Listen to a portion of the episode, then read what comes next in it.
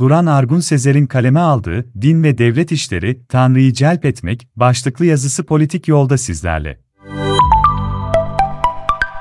Bu yazıda, geçen yazımdan devam etmeye söz verdiğim bir husustan bahsedeceğim. Tanrı ile ajite olmak. Bu cümleden ne anlıyoruz? Tanrı ile ajite olmak ne demektir? Tanrı ile gaza gelip ortalıkta fesat çıkarmak mümkün olduğu gibi tam tersi de mümkündür. Çok daha erdemli bir davranışı herhangi bir tanrı inancına dayandırarak uygulayabiliriz. Hoş, söz konusu din olunca tarihte tam tersinin olduğu örnekler ilkine nazaran daha azdır. Ancak bu yine de sorumuza basit, tek taraflı ve kolay bir cevap verebileceğimiz anlamına gelmiyor. Tanrı, büyük bilinmezin kendisidir. İnsan aklının keşfettiği her şeyin uydurma olmadığını söylediğiniz anda Tanrı, Tanrıların eşine bir adım daha yaklaşmış olursunuz. Bu sebeple günümüzün bilimci pozitivist anlayışında bunun aşırı tehlikeli görünmesinin sebebini anlamak sanırım zor değildir. Eğer o kapıdan çıkıp diğer kapıya doğru adım atarsanız kimse geri döneceğinizin garantisini veremez. Bu kapı ise tuhaf bir kapıdır. Aslında içinden geçen siz değilsinizdir. Oradan birileri gelir. Kimse bir yere gitmiyor. Bizim dünyamız, zamanın geçmediği, donuk, sıkıcı ve pek de herkesin girmek istemediği bir yerdir. Buraya uğramak pek kimsenin aklına gelmez. Ancak bir kere uğradıklarında durdurmak zordur. Tüm hikayeler bunu anlatmaz mı? Kapıdan geçmek isteyen birileri ve o kapının bekçileri. Genelde bekçiler iyidir. İşte bir yanda bekçiler, diğer yanda da kapının öbür tarafındaki kötü varlıklar. Biz bunlara şimdilik tanrılar diyelim. Tanrının celbi. Celbi genelde hukukta belirli bir görevin, hukuki hak ve sorumluluğun yerine getirilmesi amacıyla göreve atanmış şahsın hukuki yollarla çağrılması olarak biliriz. Askerlik için celp kağıdı gelir. Bir davada sanık veya tanık olarak bulunmanız için de celp edilmeniz gerekir. Bu hukuki tanımın gündelik İngilizce'de belki de şu sıralar çok kullanılmayan İngilizce bir karşılığı vardır, summoning. İngilizce summoning fiilinin belirli bir devlet görevlisinin özellikle kral, hakim veya yüksek bir bürokratın huzurunda bulunmak için çağrılmak gibi bir anlamı vardır. Böylece sizin o kişinin huzurunda bulunarak sahip olduğunuz hak veya görevi yerine getirmeniz istenir. Bu bir devlet görevi olabileceği gibi bir suçtan yargılanmak da olabilir. Bu sebeple birilerinin huzurunda bulunursunuz. Biliyorum kelimeyi çok tekrar ettim. Bilerek yaptım bunu. Çünkü summoning'in ayrıca bir anlamı daha da vardır. Bir varlığı çağırmak. Tıpkı bir kraliçenin veya hakimin huzuruna çıkmak gibi o varlığın çağrılmasının da bir amacı vardır. Fakat orta çağlarda buna benzer başka bir kelime daha kullanılmaktadır. Unmocata. Ancak Unmocatum'un bir anlamı daha bulunur, adını taşımak. O isimle çağrılmak. Sadece huzurunda bulunmak değil. Bu sebeple çağrılan, varlık belirli bir amaca hasredilir. Bir dileğin yerine getirilmesini, adaletin yerini bulmasını ve hatta intikam alınmasını sağlamak gibi. Bu genelde belirli bir ritüelin yerine getirilmesini gerekir. Bu büyüdür. Buradan tahmin edilebileceği gibi büyü bir ritüeldir ancak her ritüel büyü değildir. Papa ve Clement'in 1312 yılında yayınladığı ve içerisinde Tevrat'ın Yeremya ve Hosea kitaplarından ayetlerine atıflarında bulunduğu Vov in Excelso adlı bildirge şöyle bir cümle kullanmaktadır. Ponentes idola sua in domo, in hua invocatum est nomen mim, ut pollo erent ipsum. Aedificaverunt excelsa baal, ut initiarent et consecrarent filios suos idolis at daemonis. Türkçesiyle, ismimin çağrıldığı evlerime putlar yerleştirdiler, onları kirletmek için. Sapa yerlere bağlı tapınakları kurdular, oraları kirletmek ve çocukları putlarına kurban etmek için. Papa ve Clement, burada Tevrat'a atıfla Tanrı'nın ismiyle çağrıldığı yerlere şeytanlar, putlar ve benzeri varlıkların temsillerinin doldurulmasının Tevrat tarafından nasıl kısıtlandığını anlatırken, şeytanların çağrılmasından da bahsetmektedir. İşte burası konumuz açısından çok çok önemlidir.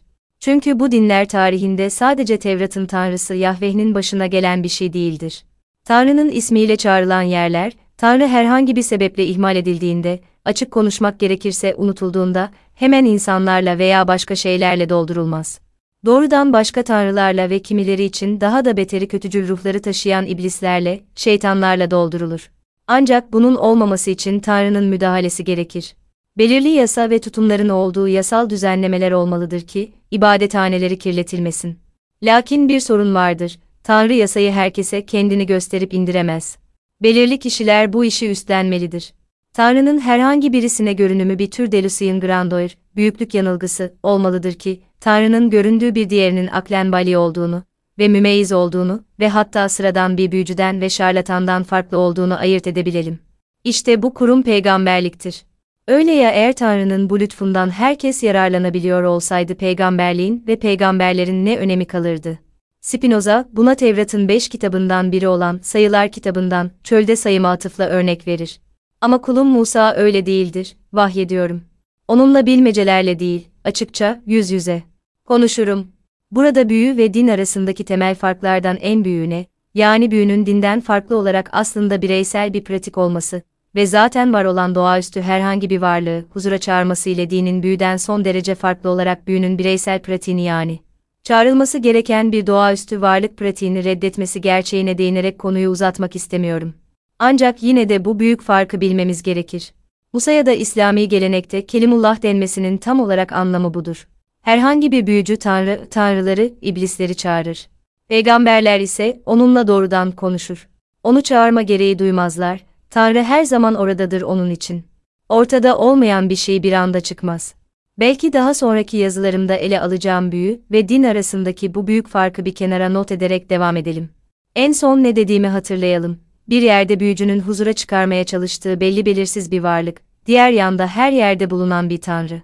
İkincisi kesinlikle teist, monoteist geleneğin kusursuz varlığıdır.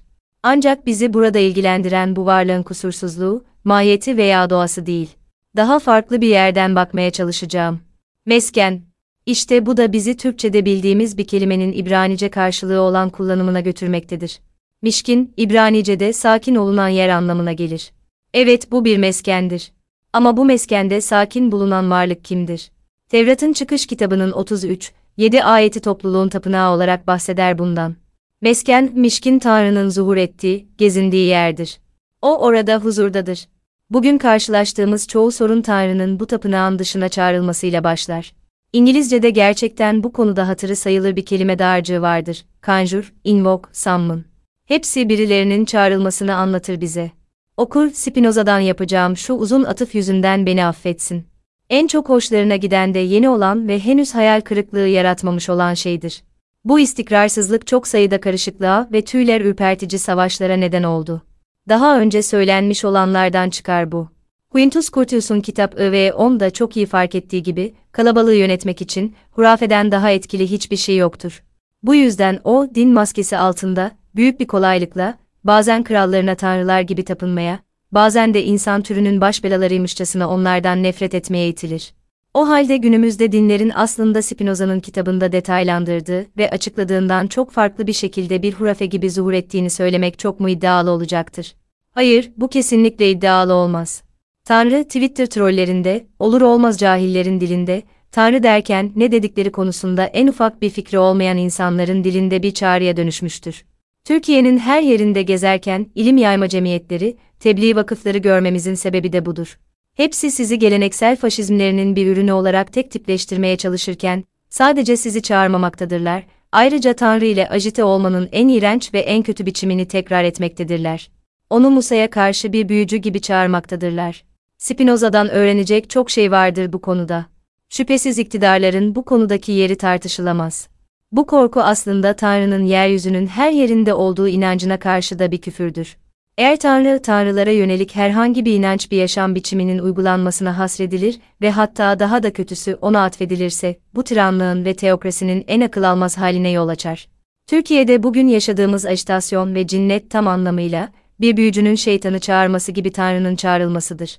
Arada mahiyet bağlamında fark bulunmaz.